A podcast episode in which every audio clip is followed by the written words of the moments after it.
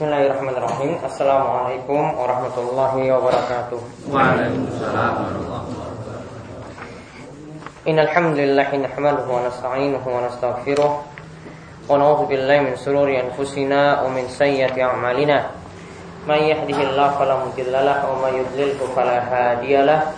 وأشهد أن لا إله إلا الله وحده لا شريك له وأشهد أن محمدا عبده ورسوله اللهم صل على نبينا وسيدنا محمد وعلى آله ومن تبعهم بإحسان إلى يوم الدين Alhamdulillah para jamaah sekalian Pada kesempatan malam hari ini kita diberi nikmat oleh Allah sehingga kita dapat berkumpul di majelis yang mulia ini dan kita senantiasa mohon kepada Allah Subhanahu wa taala. Mungkin-mungkin Allah Subhanahu wa taala memberikan kita ilmu yang bermanfaat. Kita diberi taufik juga untuk mengamalkan ilmu yang telah kita pelajari. Dan mudah-mudahan Allah Subhanahu wa taala senantiasa memberikan keistiqomahan kepada kita.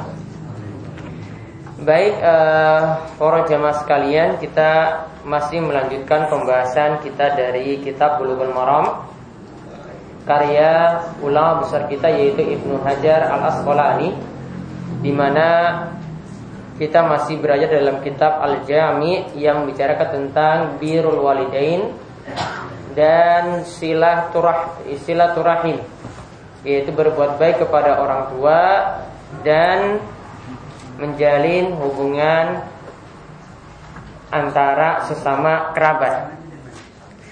Dan pada kesempatan kali ini setelah kita lihat sebelumnya tentang hadis ya yang terakhir itu adalah hadis dari Abdullah bin Amr radhiyallahu anhu dari Nabi SAW beliau mengatakan ridallahi fi ridal walidain wa sakhatullahi fi sakhatil walidain yaitu ridha Allah tergantung pada ridho orang tua dan murka Allah tergantung pada murka orang tua.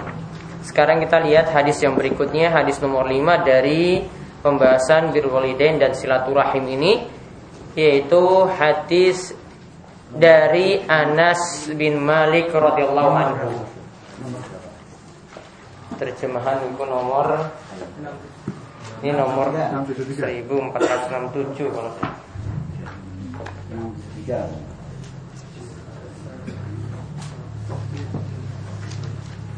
ibu-ibu bisa diambil dan ibu di bawah Enggak, kita bisa diberi. Belum ibu, bawa, Ibu-ibu bisa dikasih bawa, kasih sudah tiga. bawa.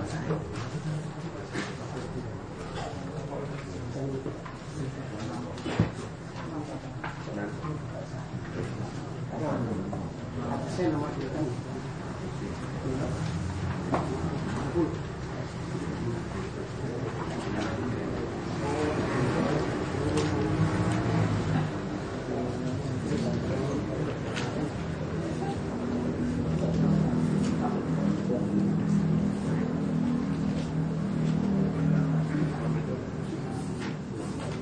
buku yang baru itu halaman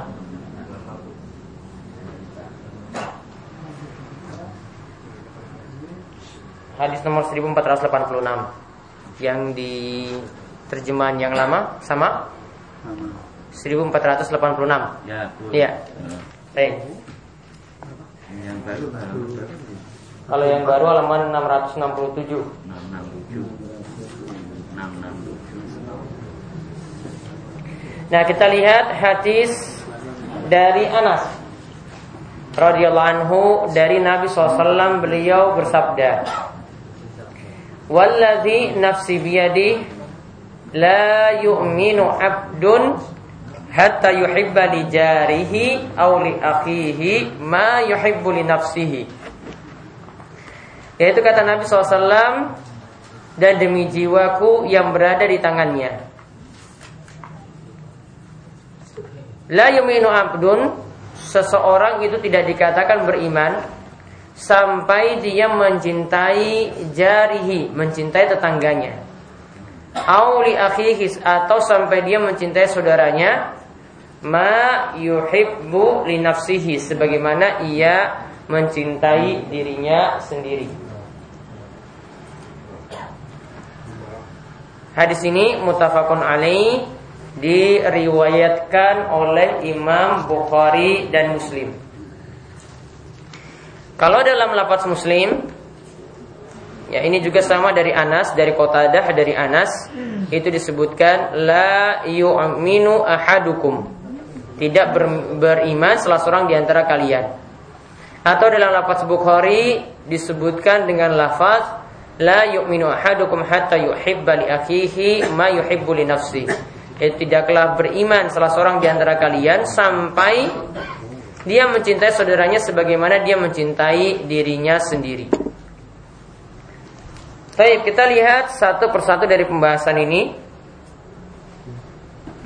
Di sini dikatakan bagaimanakah keutamaan mencintai tetangga atau mencintai saudara sesama muslim. Ya keutamaan mencintai tetangga atau mencintai saudara sesama muslim. Kalau dikatakan di sini mencintai tetangga atau mencintai saudara, di sini sebenarnya rawi perawi yang meriwayatkan di sini dia dalam keadaan bimbang, ragu-ragu apakah yang dimaksudkan sini jar, jiron, tetangga, ataukah akhi, ataukah saudara.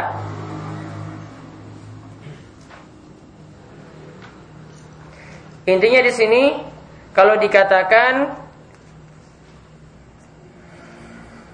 mencintai tetangga ya hatta yuhibba li jari mencintai tetangga berarti tetangga di sini mencakup ada yang muslim dan ada juga yang kafir.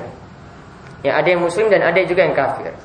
Namun kalau dikatakan mencintai saudaranya, kalau dikatakan saudara berarti cuma yang muslim saja. Yaitu saudara berseiman yang muslim baik yang laki-laki maupun yang perempuan. Intinya dua-duanya itu dipraktekkan kalau kita katakan mencintai tetangga berarti kalau yang menjadi tetangga kita yang dekat baik itu muslim ataupun kafir tetap kita berbuat baik. Kalau itu dikatakan saudara ya saudara seiman yang dimaksudkan baik laki-laki ataupun perempuan kita juga tetap berbuat baik. Nah, itu yang dimaksudkan dengan kalimat yang pertama. Kemudian dikatakan ma yuhibbu li. Sebagaimana dia mencintai dirinya sendiri. Jadi bentuk cintanya pada tetangga, bentuk cintanya pada saudaranya itu sebagaimana yang dia rasakan pada dirinya sendiri. Itu kalau dirinya itu ingin baik, maka dia ingin tetangga atau saudaranya juga baik. Kalau dia itu merasa bahagia dengan perbuatan semacam itu, maka dia ingin juga saudaranya juga berbahagia dengan hal tersebut. Kalau dia tidak suka mendapatkan hal tadi, maka dia juga tidak ingin saudaranya juga mendapatkan hal tersebut.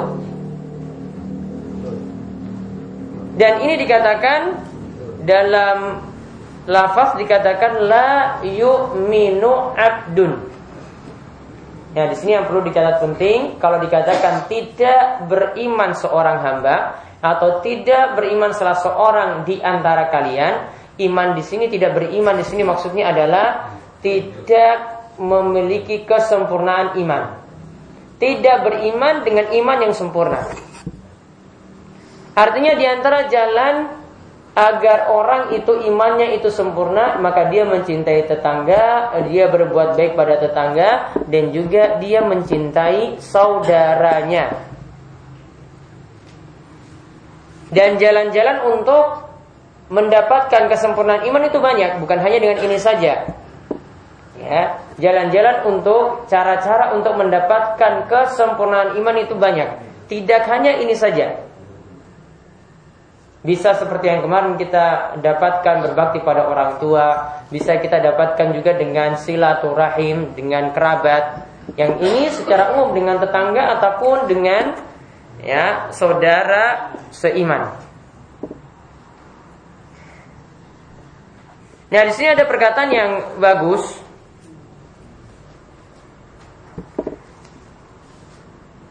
Yaitu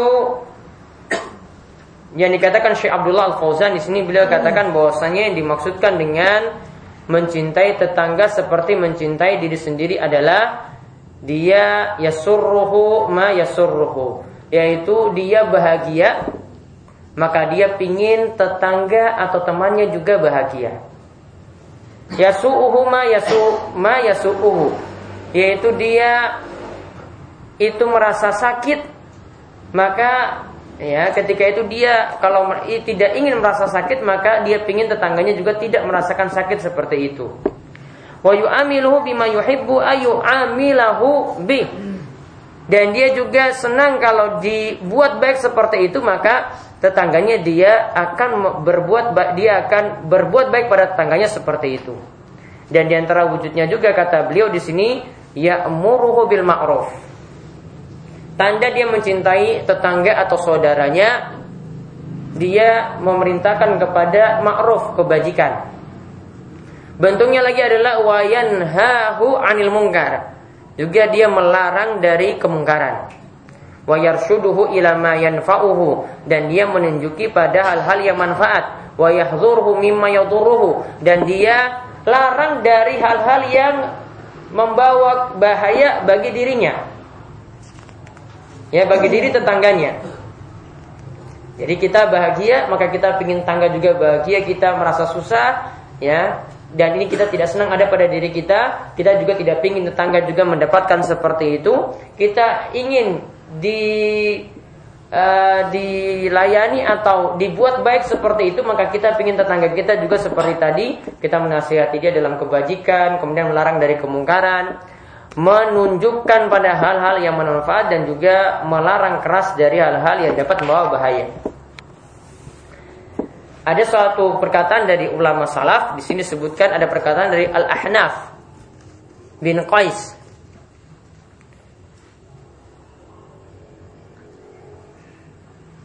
Ditanya oleh seseorang kepada Al Ahnaf bin Qais, seorang ulama, "Mimman ta'allam tal ilma?" Dari siapa engkau itu banyak belajar? Dari siapa engkau itu banyak belajar? Maka Si Ahnaf ini mengatakan min nafsi, aku belajar itu dari diriku sendiri. Kemudian, wa kaifa Kok bisa seperti itu? Kamu kok bisa belajar dari dirimu sendiri? Maka dia katakan, kuntu idza karihtu syai'an min ghairi lam af'al bi ahadin mislahu. Aku kalau tidak suka terhadap sesuatu dari orang lain, maka aku tidak pingin ya sesuatu yang tidak aku sukai ini ada semisal itu pada orang lain.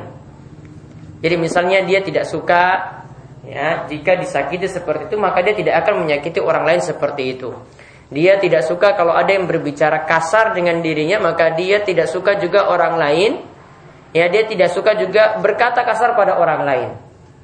Dia ketika tidak suka Misalnya ada yang berbuat curang atau tidak amanat pada dirinya maka dia juga tidak berbuat curang atau dia selalu menunaikan amanat pada orang lain. Apa yang dia suka pada dirinya maka itu juga dia suka pada orang lain. Maka dia banyak belajar dari dirinya sendiri. Bentuknya apa tadi? Apa yang dia suka? Nah, itulah yang dia praktekkan pada orang lain. Maka itu yang kita praktekkan pada tetangga kita ataupun pada saudara-saudara kita yang lainnya.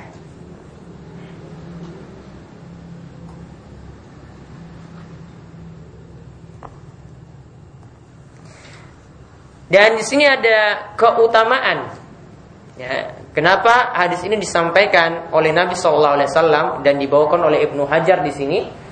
Di sini ada keutamaan sebagaimana yang disebutkan oleh Ibnu Rajab Al Hambali di dalam kitab beliau Jami ul Ulum wal Hikam karena di sini juga terdapat dalam hadis Arba'in An Nawawiyah dan dijelaskan oleh Ibnu Rajab di dalam kitab beliau Jami ul Ulum wal Hikam. Beliau katakan manfaat kalau orang itu mencintai saudaranya sebagaimana dia mencintai dirinya sendiri, kata beliau di sini, maka hatinya akan selamat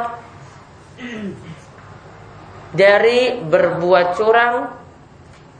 Itu yang pertama. Kemudian hatinya juga akan selamat dari menipu. Yang kedua, kemudian yang ketiga, hatinya juga akan selamat dari sifat hasad.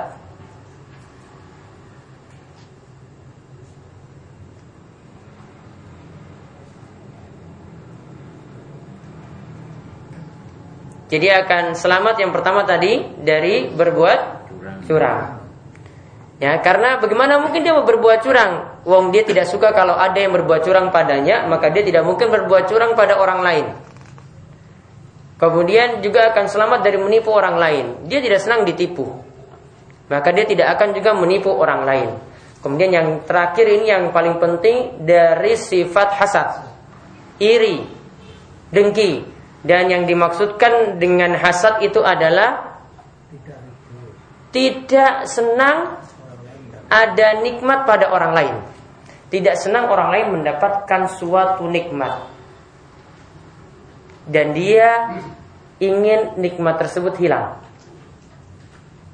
Jadi ada tetangganya misalnya punya motor, ya dalam batin itu sudah ini ya walaupun tidak ada gerak cuma dalam batin saja dalam batin sudah perasaan waduh mudah-mudahan besok bisa tabrakan ya hatiku jadi tenang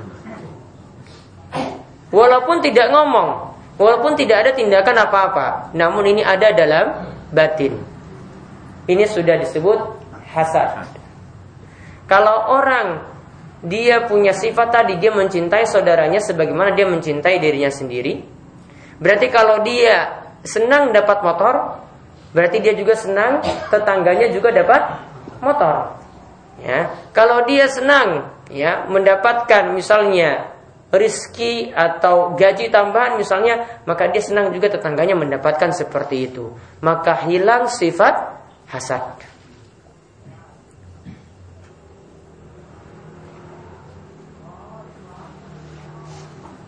Nah itulah pentingnya kenapa kita harus memiliki sifat ini Mencintai saudara kita, mencintai tetangga sebagaimana mencintai diri kita sendiri Dan ada ini adalah di antara salah satu bentuk akhlak yang harus dimiliki. Dan sebagaimana dikatakan oleh ini seorang ulama Maliki ya, Abu Muhammad Abdullah bin Abi Zaid. Ya, Abu Muhammad Abdullah bin Abi Zaid imam dari ulama Malikiyah. Dan dia imam yang tersohor di zamannya. Beliau mengatakan bahwasanya akhlak di dalam Islam itu terhimpun dalam empat hadis. Nah empat hadis, hadis ini yang berisi akhlak-akhlak yang mulia. Perhatikan hadis-hadisnya. Yang pertama hadis mangkana yu'minu billahi wal yaumil akhir falyakul khairan aw liyasmut. Siapa yang beriman kepada Allah dan hari akhir maka berkatalah yang baik kalau tidak diam. Berarti bentuk akhlak yang pertama adalah selalu memperhatikan lisan. Selalu memperhatikan omongan. Lisannya cuma bergerak pada hal-hal yang bermanfaat. Kalau tidak ada yang manfaat, dia diam. Kalau tidak menguntungkan agamanya, dia diam. Tidak menguntungkan dunianya, dia diam. Jaga lisan. Ya, kata Abu Muhammad di sini. Yang kedua, min husni islamil mar'i tarkuhu ma ya'ni. Tanda baiknya Islam seseorang kata Nabi SAW yaitu meninggalkan hal-hal yang tidak bermanfaat. Berarti bentuk akhlak yang kedua yang harus kita miliki adalah meninggalkan hal-hal yang sia-sia. Yang tidak bermanfaat yang cuma membuang-buang waktu.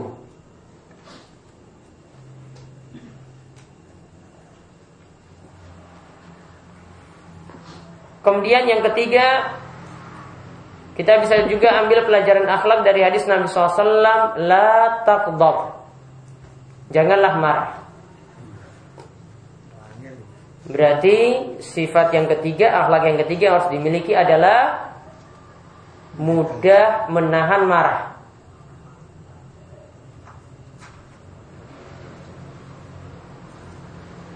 Asalnya setiap orang itu bisa marah, namun marah ini yang harus ditekan.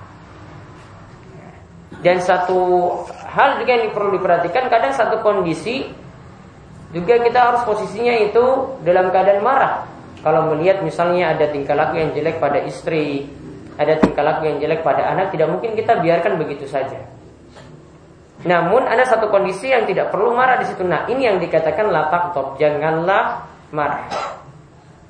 Kemudian yang keempat, nah ini yang pada hadis yang kita bahas, la yu'minu ahadukum hatta yuhibba li akhihi ma yuhibbu li nafsi, yaitu mencintai saudara kita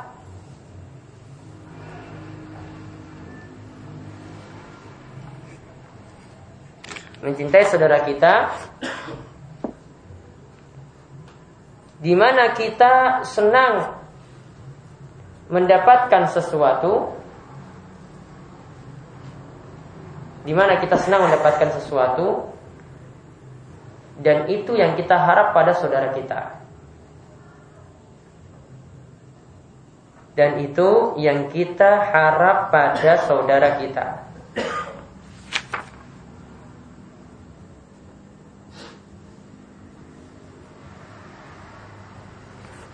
Nah jadi akhlak di dalam Islam tadi terimpun dalam empat hadis.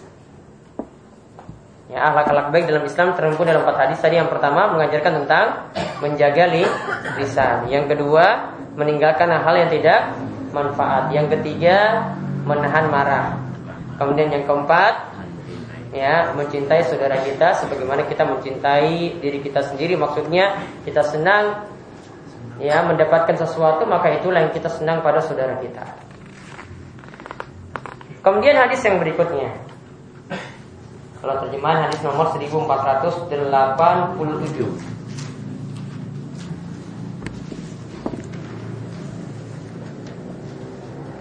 Tadi ini uh, Ibnu Hajar memasukkannya dalam pembahasan birrul walidain dan silaturahim. Padahal sudah selesai sebenarnya pembahasan tersebut. Namun beliau kembangkan lagi uh, birrul walidain berbakti pada orang tua itu tidak terbatas dan juga silaturahim tidak terbatas pada orang tua dan dan kerabat saja. Kalau kita punya tetangga tetap juga kita berbuat baik. Kalau kita punya saudara seiman juga tetap kita berbuat baik. Nah, di antara akhlak jelek ya akhlak jelek yang muncul di tengah-tengah masyarakat ya di sini yang beliau bahas selanjutnya Beliau sengaja masukkan hadis ini juga dalam dalam pembahasan ini yaitu perbuatan zina. Di mana zina ini terjadi dengan tetangga dekat. Di mana zina ini terjadi dengan tetangga dekat. Kayak ini ada kaitannya dengan tadi berbuat baik pada tetangga. Kalau ya dia dikatakan berbaik pada tetangga berarti dia menjaga kehormatan tetangganya. Kalau sampai kehormatan istri tetangga itu dilanggar dengan dia itu selingkuh dengan dia itu berzina, berarti sudah dikatakan tidak berbuat baik kepada tetangga. Nah, kita lihat hadisnya di sini. Di sini jelaskan tentang dosa besar orang yang selingkuh atau berzina dengan tetangga. Dari Ibnu Mas'ud radhiyallahu anhu ia mengatakan Sa'altu Rasulullah sallallahu alaihi wasallam, aku pernah bertanya pada Rasulullah sallam, ayu zambi a'zam? Dosa apakah yang paling besar?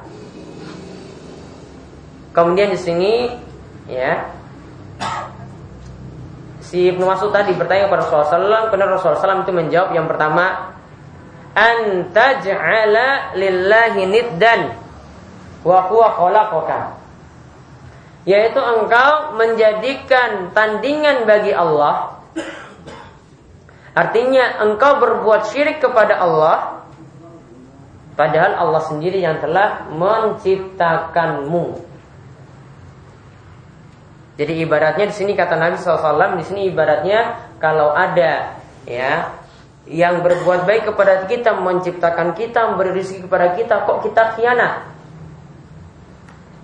dengan menyekutukan dia dengan tidak amanat pada dirinya maka ini suatu bentuk kekurang ajaran yang paling besar.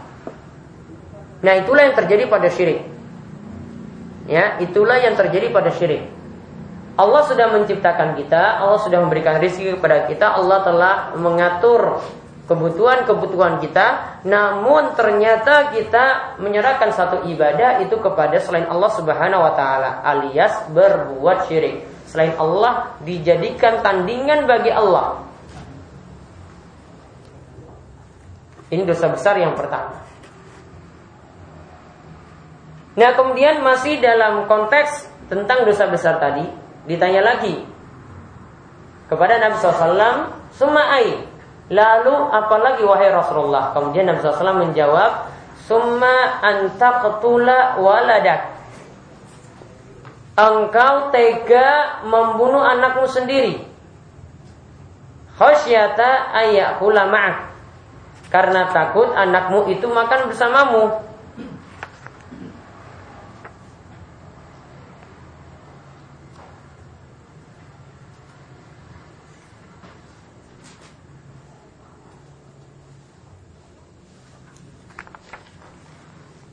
Kemudian disebutkan lagi Suma'ain. Ditanya lagi oleh Ibnu Mas'ud pada Nabi SAW. Lalu apalagi wahai Rasulullah yang termasuk dosa besar?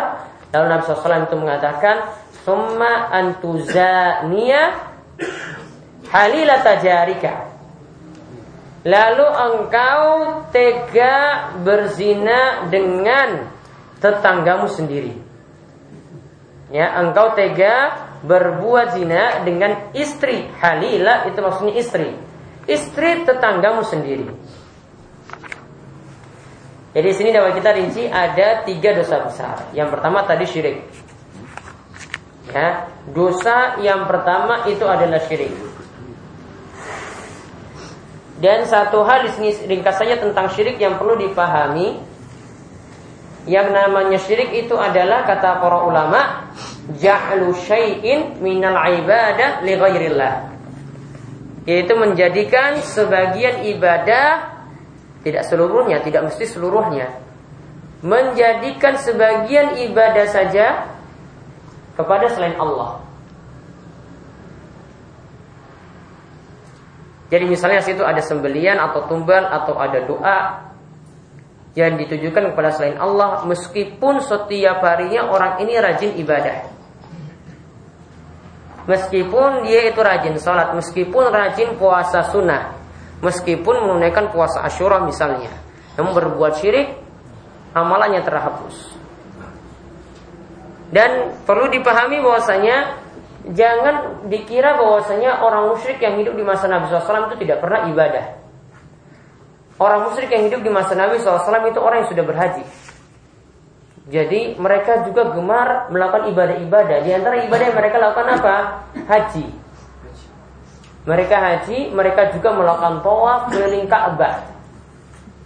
Namun sayangnya apa? Sayangnya di antara buktinya kenapa ibadah mereka itu sesat, ibadah mereka itu keliru ketika mereka itu melakukan talbiyah. Labbaik Allahumma labbaik, labbaik la syarika laka labbaik. Ditambah lagi Ya, baik ya Allah pemenuhi panggilanmu. Ya Allah tidak ada sekutu bagimu. Maksudnya tidak ada tandingan bagimu. Illa syarikan huwalak. Ditambah lagi kecuali yang sekutu yang pantas atau jadi yang pantas jadi tandingan untukmu. Jadi Allah Subhanahu wa taala tidak jadi satu-satunya yang disembah. Allah satu-satunya tidak jadi yang disembah. Namun ada lagi sekutu-sekutu bagi Allah. Ada lagi sembahan-sembahan bagi Allah. Mereka berhaji namun mereka berbuat syirik juga dalam ibadah. Jadi jangan kira mereka tidak kenal ibadah sama sekali. Bahkan mereka kenal bentuk sholat juga. Namun dengan tata cara yang berbeda. Karena orang musyrik di masa Nabi SAW itu masih ada peninggalan ajaran dari Nabi Ibrahim. Ya, masih ada peninggalan ajaran dari Nabi Ibrahim. Jadi masih punya sholat dengan cara yang punya, mereka punya sendiri, masih punya juga uh, ibadah seperti toharoh, bersuci. Bahkan mereka juga mengenal kalau haid itu tidak boleh disetujui oleh suaminya. Itu juga mereka kenal. Orang-orang musyrik dahulu. Maka jangan dikira bahwasanya orang-orang musyrik itu tidak pernah beribadah pada Allah sama sekali. Bahkan orang musyrik yang hidup di masa Nabi SAW itu lebih rajin ibadah. Mungkin kalau yang ada di zaman kita itu beda. Ya, di zaman kita ya mungkin murni tidak pernah sholat sama sekali. Namun di masa Nabi SAW itu orang yang rajin ibadah. Namun mereka berbuat syirik kepada Allah Subhanahu Wa Taala karena menyajikan salah satu ibadah kepada selain Allah. Nah itu tentang syirik secara ringkas. Kemudian yang kedua di sini dosa besar yang kedua yaitu tega membunuh anaknya sendiri. Ya karena apa? Karena khawatir anak ini kalau makan bersama kita nanti jadi habis rezeki tersebut. Artinya ini orangnya dasarnya itu pelit. Dia tidak mau mengutamakan rezeki kepada anak ya ataupun kepada istrinya. Ya. Sampai-sampai karena saking khawatirnya tidak bisa ya dalam dirinya mungkin kalau punya anak lagi dia itu mengkhawatir tidak bisa lagi untuk menafkahi Akhirnya anak sendiri, anaknya sendiri tadi di, dibunuh. Nah, ini yang jadi faktor kenapa sebagian orang itu sampai menyiksa atau membunuh anaknya sendiri atau menelantarkan anaknya sendiri. Dan ini sudah saya sebutkan kemarin. Ya, di antara bentuknya juga di sini kalau punya niatan. Ya, ini di antara bentuknya lagi. Kalau punya niatan tidak mau punya keturunan lagi. Karena takut apa? Takut miskin. Ya. Karena takut miskin. Jadi dia memilih untuk KB tapi KB-nya di sini ya dia pilih yang permanen padahal tidak ada masalah kesehatan apa-apa. Tidak ada terganggu dengan penyakit ini, penyakit itu tidak ada. Ya. Namun karena apa? Khawatir kalau punya anak lagi, ya keyakinannya saya nanti tidak bisa biayai anak saya lagi sekolah. Padahal Allah Subhanahu wa taala yang beri rizki. Saya tidak bisa lagi memberikan makan kepada anak saya. Padahal Allah yang memberikan rezeki. Nah ini termasuk di dalamnya. Kemudian yang ketiga, yang ini yang jadi poin kita, yaitu ada yang tega berzina dengan tetangganya sendiri.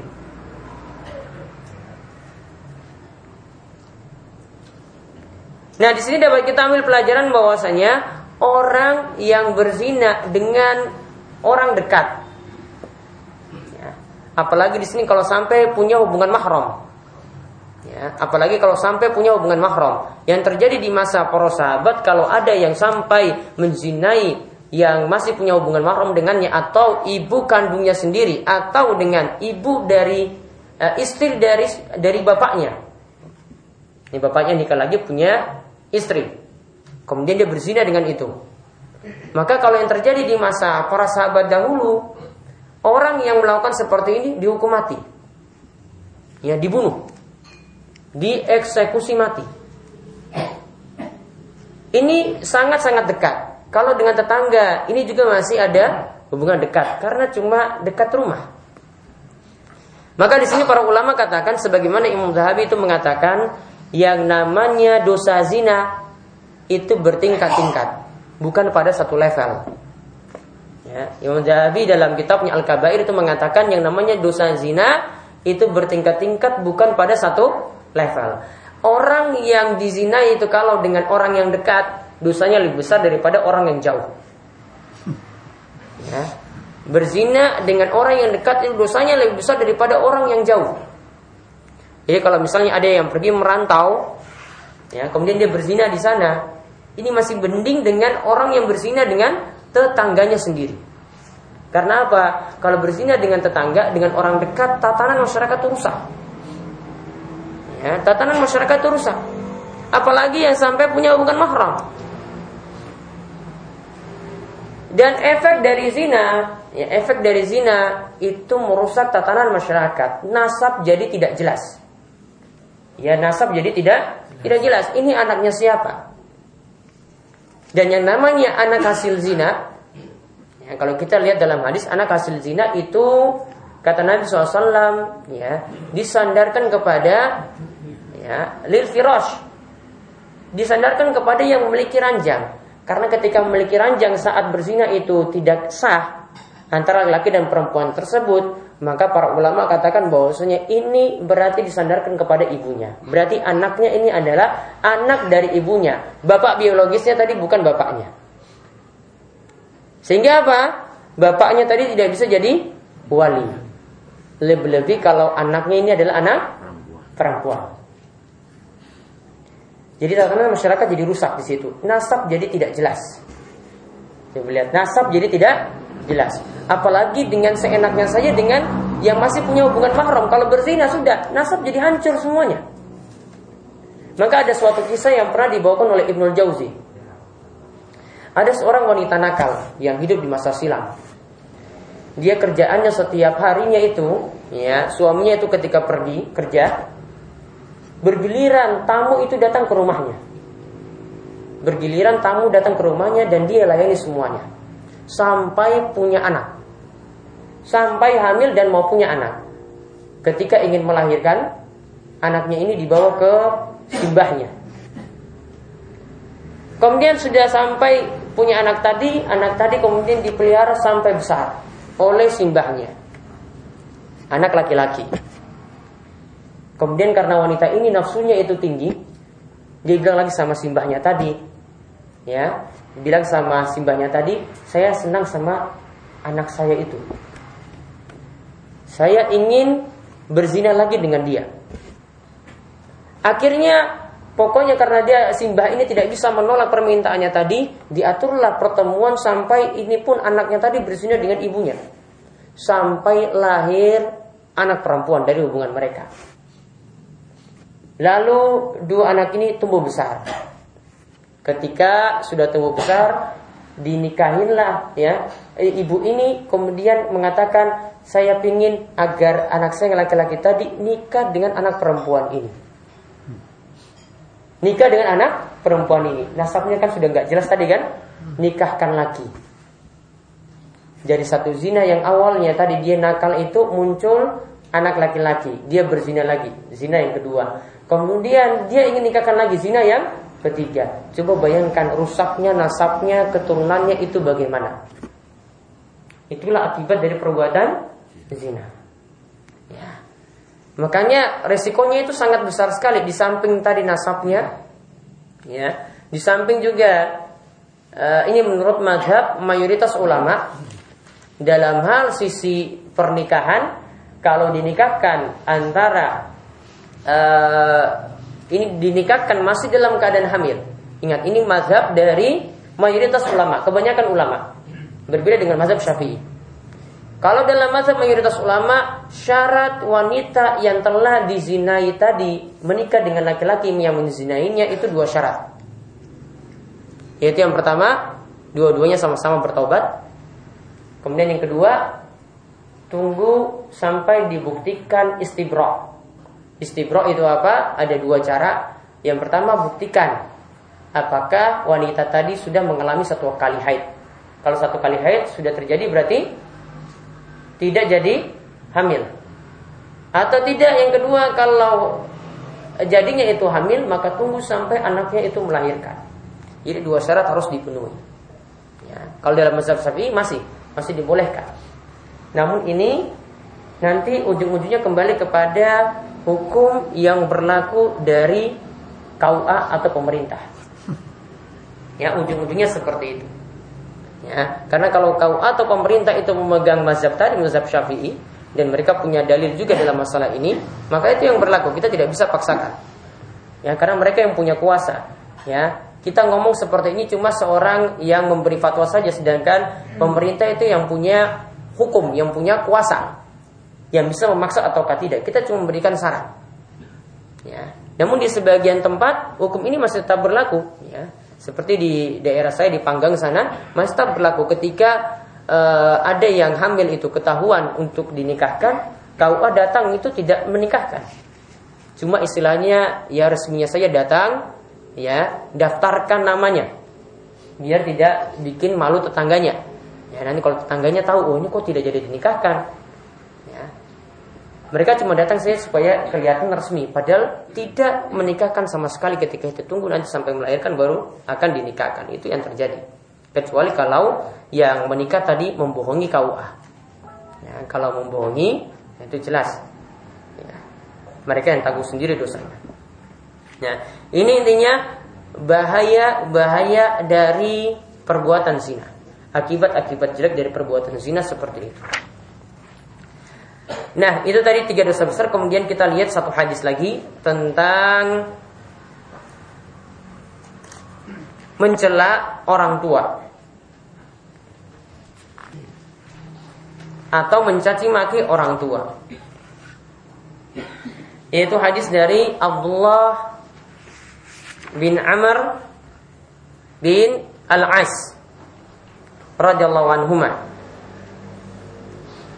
Ia mengatakan bahwasanya Rasulullah SAW itu bersabda, "Minal kabairi" di antara bentuk dosa besar adalah syatmur rajuli walidayhi yaitu seseorang mencela orang tuanya sendiri, mencela kedua orang tuanya sendiri. Kila, kemudian ada yang bertanya kepada Nabi SAW, Wahal yasubur rajul walidain? Apa mungkin ada anak yang mencela orang tuanya sendiri? Maka kemudian Nabi SAW katakan, Naam, ada saja. Yang ngomong kasar pada orang tuanya, yang jelek-jelekan orang tuanya, yang doakan jelek pada orang tuanya, ya ada. Kemudian Nabi SAW mengatakan Yasubbu abar rojul Ada seorang yang jelek-jelekan Orang tua dari temannya Fayasubbu abahu. Maka or, maka temannya ini tadi Balas dendam lagi. Dia jelek-jelekan orang tua kita. Wayasubbu ummahu Fayasubbu ammahu. Ya maka dia mencela ibunya atau dia mencela ya bapaknya. Mutafakun alaih. Hadis ini diriwayatkan oleh Imam Bukhari dan Muslim.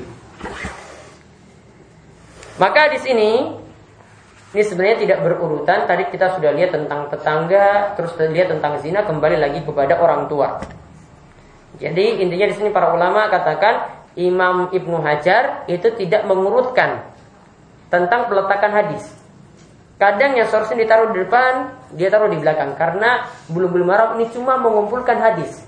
Tidak diurutkan. Cuma ada dalam satu bab saja. Namun tentang urutan hadisnya tidak boleh urutkan. Ini kembali lagi tentang permasalahan bakti pada orang tua dan durhaka pada orang tua. Nah bentuk durhaka pada orang tua atau bentuk akhlak jelek pada orang tua itu bagaimana? Dan ini digolongkan dosa besar.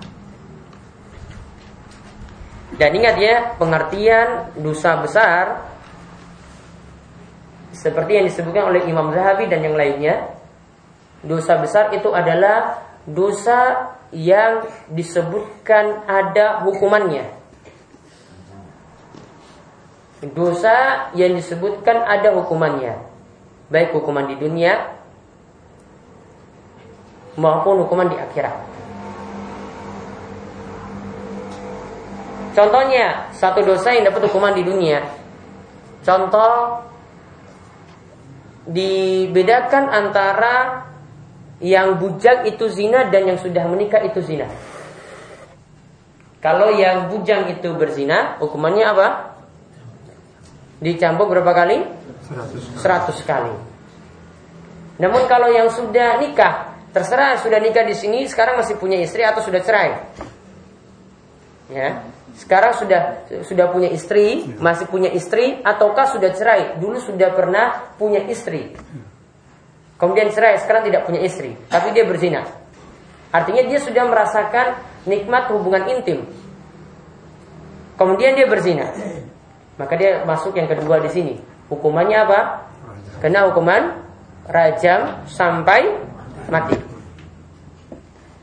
Kalau suatu perbuatan ada hukuman khusus seperti ini, itu sudah tergolong al-kabair dosa besar. Ada lagi yang mendapatkan hukuman di akhirat. Ya, yang mendapatkan hukuman di akhirat. Seperti Nabi SAW itu menyebutkan uh, wanita ada dua golongan yang tidak akan mencium bau surga. Padahal bau surga itu dapat dicium dari jarak yang sekian dan sekian. Di antara yang Nabi SAW itu sebut adalah yaitu wanita yang kasiyatun ariyat, yang berpakaian tetapi telanjang. Disebutkan ada hukuman di akhirat apa? Tidak akan mencium bau surga. Ini menunjukkan perbuatan ini kalau dia itu berpakaian tidak dia itu berpakaian tapi telanjang artinya pakaiannya bisa jadi tipis atau pakaiannya tidak menutup aurat atau pakaiannya ketat itu termasuk dosa besar. Termasuk al-kabair di sini. Nah, di antaranya di sini disebutkan seseorang mencela atau mencaci maki orang tuanya. Nah, di sini berarti mencela atau mencaci maki orang tuanya ada dua bentuk. Yang pertama, mencela langsung. Atau mencaci maki langsung.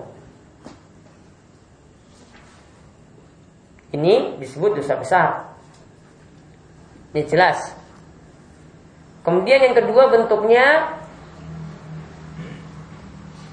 orang tuanya dicela gara-gara dia. Yang kedua itu orang tuanya dicela itu gara-gara dia. Dia jelekkan orang tua lain, orang tua dari temannya misalnya. Temannya balas lagi. Biasa kalau anak-anak itu ya atau remaja itu kan saling ngecek tentang profesi. Ya, orang tuanya itu mungkin uh, biasa kumpulkan sampah, dibalas lagi nanti. Nanti dibalas lagi pada ini bapakmu daripada bapakmu koruptor. Dibalas seperti itu lagi. Orang tuanya dicela. Nah, anaknya ini tadi yang mencela orang tua, temannya tadi, terus temannya ini balas lagi untuk orang tuanya. Nah, ini termasuk di sini.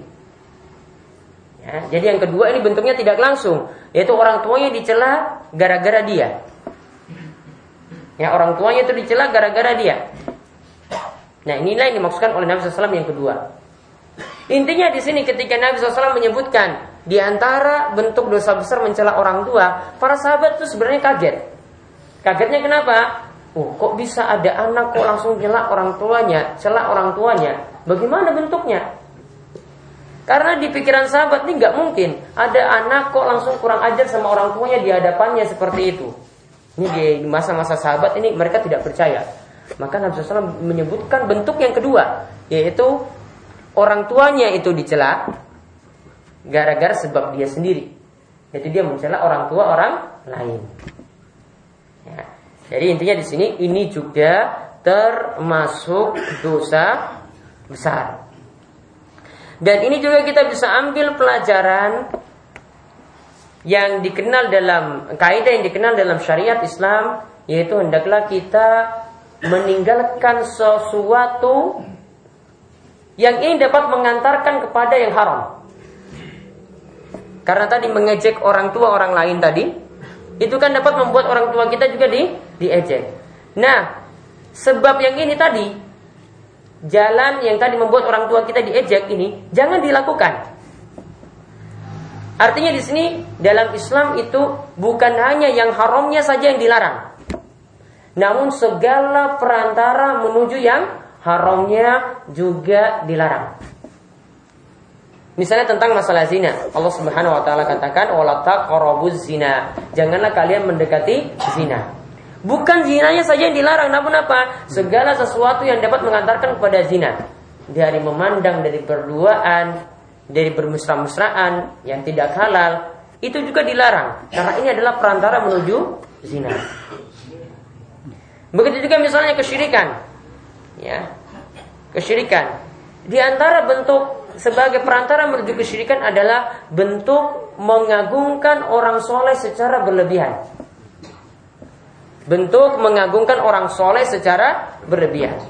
Dahulu di masa Nabi Nuh alaihissalam, yang terjadi di masa Nabi Nuh alaihissalam, kesyirikan itu bisa terjadi itu gara-gara semula ya orang-orang itu mengagungkan orang soleh dengan mengenang mereka dibuatkanlah gambar dan patung. Generasi pertama itu punah, gambar dan patung orang-orang soleh ini ada.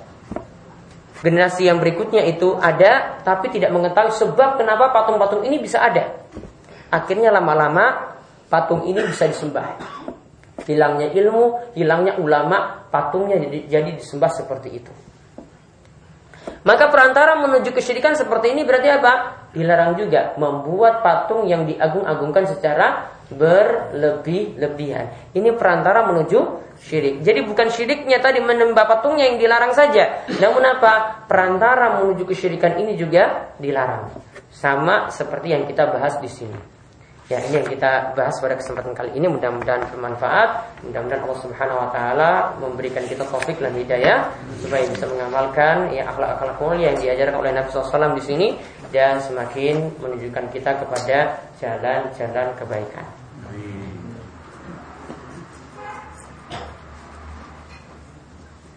Terima kasih Ustaz atas ilmunya. Ada sesi kedua tanya jawab mungkin. Tapi saya beritahukan dulu karena hari ini sudah kita dari Ustaz adalah bubur kacang hijau masih mubal pak. Panas panas. Panas di bawah. Jadi nanti turun makan di bawah ya. Nanti enggak sampai sini panas itu. Iya. Iya sebelumnya silahkan untuk bertanya kepada Ustaz. Monggo pak. Ya. Ada seseorang mendirikan suatu bangunan bangunan itu berupa rumah rumah berupa rumah ini ataupun rumah untuk semacam ruko pak ya untuk kegiatannya untuk kepentingan misalnya arisan teman-teman atau pernikahan dan lain-lain. Tapi dalam, dalam awal pembangunannya itu dibumbui atau dibaui dengan kemudikan kemudikan yaitu menanam kepala kebo. Kepala kebo itu. Dengan tujuan agar bangunannya selamat dan tidak diganggu bau rungsol. Hmm. Dan dilanjutkan dengan kenduri-kenduri dengan harapan mendapat apa ya, dari leluhurnya. Pertanyaannya, apakah bangunan semacam itu sah kalau digunakan untuk kepentingan ibadah Islami, misalnya untuk tapet, untuk acara pengajian, untuk acara isap kubur? Itu Pak, itu apa? Kalau kita tahu apakah itu sah? Oke. Tumbalnya tadi itu di bawah gedungnya atau di luar? Ya, pokoknya di Sekitar situ. Yang kedua, rumah ini yang kita pendek aja Pak. Yang kedua, saya lupa. Ya itu aja dulu Pak nanti. Ya. Apa Pak? Pernah seorang sahabat itu ditanya oleh Nabi SAW ketika dia ingin menunaikan nazar. Dia ingin menunaikan nazar di suatu tempat atau waktu. Yaitu nazarnya berupa sembelihan. Yaitu ditanya oleh Nabi SAW apakah di tempat tersebut ini orang-orang musyrik biasa melakukan penyembelihan. Dia bilang tidak. Apakah mereka juga punya uh, perayaan-perayaan di situ? Dijawab juga tidak. Kemudian Nabi SAW katakan sudah kamu tunaikan nazarmu berupa penyembelian di tempat tersebut. Satu pelajaran penting yang bisa kita ambil di sini seperti yang dikatakan oleh Syekh Muhammad At-Tamimi, beliau katakan suatu ibadah yang niatannya ikhlas untuk Allah. Namun dilakukan di tempat yang di situ ada bentuk kesyirikan yang ditujukan kepada selain Allah. Maka tidak boleh ibadah yang ikhlas karena Allah tadi ditunaikan di tempat tersebut. Kenapa? Nanti orang-orang kira ibadah ini juga untuk kesyirikan. Walaupun tadi ya niatannya tetap murni untuk Allah. Jadi saran saya tidak melakukan ibadah-ibadah di tempat tersebut. Ya karena tempat ini sudah dibangun tadi di atas kesyirikan. Tumbal tadi seperti itu kesyirikan. Maka ibadah uh, yang tidak berbau ibadah monggo dilakukan ya di tempat tersebut. Namun yang berbau ibadah misalnya sholat, ada doa, ada zikir tidak dilakukan di tempat itu. Dilakukan di masjid. Seperti itu.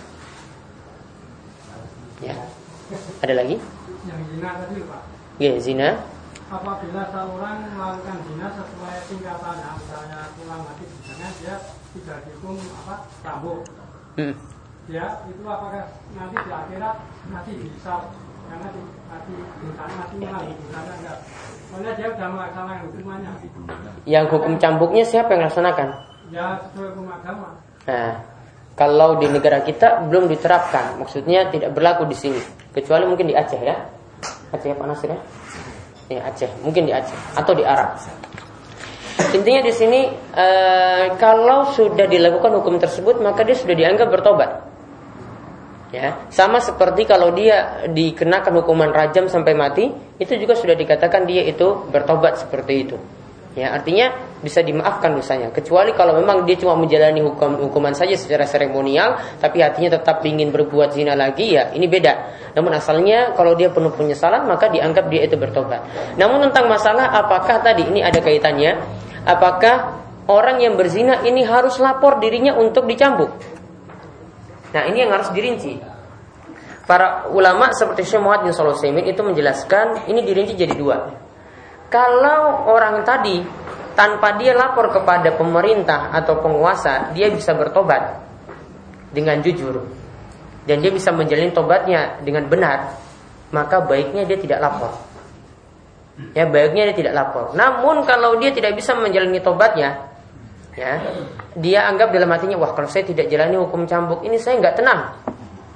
Ya, saya nggak bisa jalani tobat dengan benar.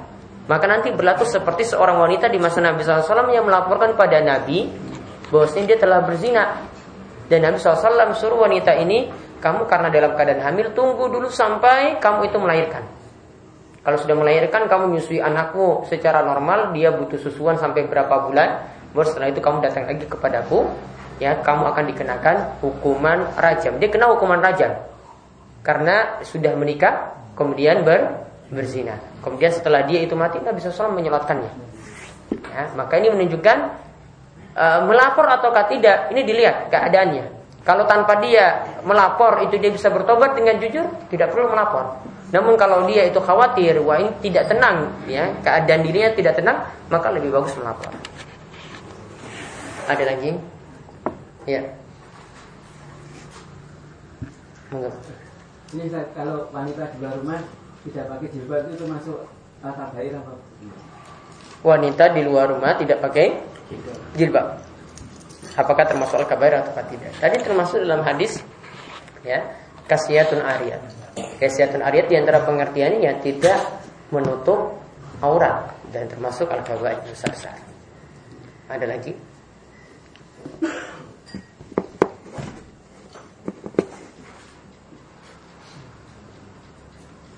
Sampun? Panasnya ada? Ya. Jangan bilang dulu kalau belum makan. Oh iya. Ya, ini kemauan yang bisa kita bahas. Oh iya. Apa lagi? Ini masalah ber, berbuat baik terhadap tetangga. Kita itu sebenarnya ingin berbuat baik ter, kepada tetangga, terutama masalah agama. Tapi ini yang saya alami. Kita mau ngajak sholat berjamaah, mengajak melakukan sholat, sholat agak lama itu kita itu sudah sudah dibatasi. Saya sudah dibatasi. Jadi ya kita cuek aja. Yang penting saya berusaha menasihati itu gimana Tetap berbuat baik kepada mereka dari akhlak tadi yang pelan-pelan akan membuat mereka juga berubah. Ya, akhlaknya diperbaiki lagi. Ya, terus berbuat baik. Ya itu saja yang bisa kita bahas. Yang kita tutup kalian doa kafaratul majelis. Subhanakallahumma bihamdika Asyhadu an la ilaha illa anta Astaghfiruka wa atubu ilaik. Assalamualaikum warahmatullahi wabarakatuh. Waalaikumsalam. Berhadir.